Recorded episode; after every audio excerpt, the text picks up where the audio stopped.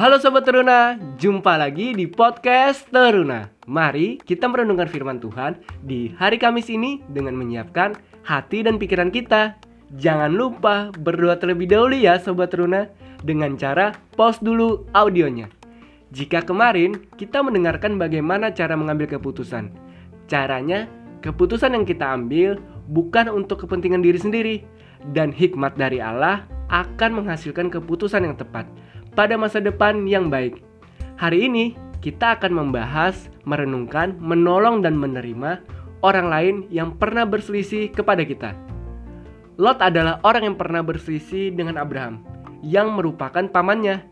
Meskipun Abraham memutuskan untuk berpisah dengan Lot, tapi rasa cintanya kepada keponakannya itu tidak hilang. Terlebih ketika Lot memilih tinggal di sebuah daerah yang rawan konflik atau peperangan, sehingga dia pun harus mengalami di penjara. Abraham tetap peduli dan menolong Lot ketika dia ditawan oleh musuhnya. Abraham mengerahkan orang-orang yang telah dilatihnya, yaitu yang lahir di rumahnya sebanyak 318 orang untuk menolong Lot.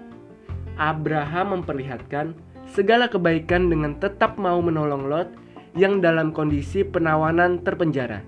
Nah, bagaimana dengan sobat teruna? Saat kita berselisih atau bahkan berkelahi dengan teman, namun kita justru menjadi sahabat yang paling karib di saat suka maupun duka. Mengasihi dengan memberikan pengampunan, pertolongan, dan menjalin relasi kembali. Dengan orang yang telah melukai serta berselisih dengan kita merupakan sebuah tantangan bagi teruna yang hidup di masa kini nih. Kita mungkin bisa memikirkan segala ego dalam diri untuk tidak peduli dan membencinya. Tapi, karya pengampunan Allah yang sudah diterima harus disalurkan juga bagi sesama agar kasih yang Allah pun nyata melalui sikap laku kita sebagai orang percaya. Jangan mempunyai sifat menendam, mendengki, dan tidak peduli akan penderitaan orang lain. Mari mengedepankan kasih seperti Allah yang rela mengutus anaknya untuk menyelamatkan kita dari kebinasaan demi cintanya yang begitu besar kepada ciptaannya.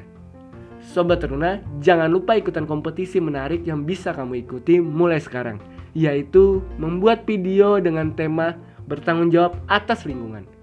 Hashtag peduli lingkungan sekitar. Lewat kompetisi ini, bisa jadi salah satu cara Teruna punya peran untuk lingkungan sekitarnya. Jangan lupa share renungan podcast Teruna hari ini kepada sesama kita. Sampai jumpa lagi di podcast Teruna selanjutnya.